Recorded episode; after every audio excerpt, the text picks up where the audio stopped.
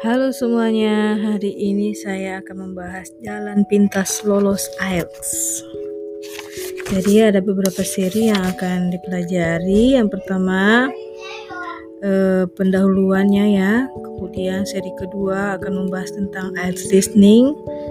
Kemudian yang bagian ketiga IELTS reading, bagian keempat IELTS writing dan yang terakhir IELTS speaking. Eh, selamat mengikuti semua seri yang ada dan semoga kita bisa sama-sama belajar.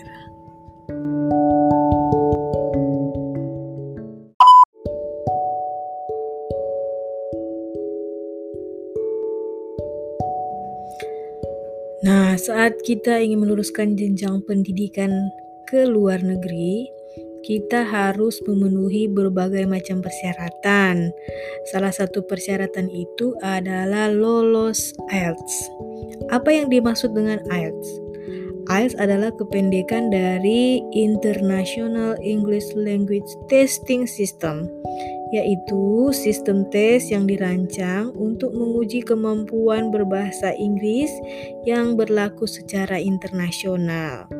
Jadi, tes ini didesain untuk semua tingkatan kemampuan, mulai dari tingkat pemula sampai mahir. Terdapat empat materi yang akan diujikan dalam tes ini.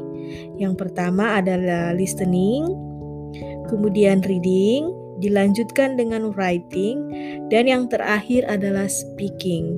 Semua peserta mendapatkan materi listening dan speaking yang sama, tetapi terdapat dua pilihan pada materi reading dan speaking yang disesuaikan dengan kepentingan peserta. Jadi, kita harus benar-benar mempersiapkan diri saat akan mengikuti tes ini. Jangan percaya pada orang yang mengatakan bahwa mengikuti tes IELTS tidak memerlukan persiapan jika bahasa Inggris kita sudah bagus. Walaupun bahasa Inggris kita bagus, kita masih perlu mempelajari keahlian-keahlian tertentu yang dibutuhkan saat menjawab soal-soal IELTS. Nah, untuk mempersiapkan diri menghadapi IELTS, kita harus benar-benar terbiasa dengan bahasa Inggris dan format tes itu sendiri.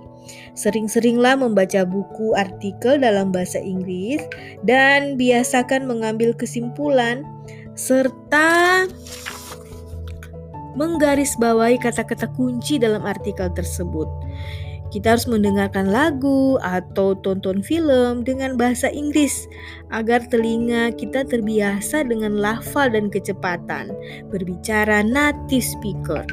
Selain itu, kita juga dapat membeli buku-buku persiapan IELTS yang biasanya disertai kaset. Jadi, ke depan kita akan sama-sama mempersiapkan diri dalam menghadapi IELTS kita mengenal lebih jauh mengenai ALS dari uh, pendahuluannya. Kemudian bagian-bagian episode selanjutnya kita akan sama-sama belajar berbagai trik dan tips agar dapat uh, mendapat skor yang tinggi dalam setiap materi tes. Nanti kita juga akan melihat contoh format soal IELTS yang disertai jawabannya. Setelah itu, kita akan sama-sama membahas hal-hal yang mungkin akan ditanyakan oleh penguji saat menghadapi sesi wawancara pada materi speaking. Memang benar bahwa berlatih adalah kunci agar dapat berhasil dalam tes ini.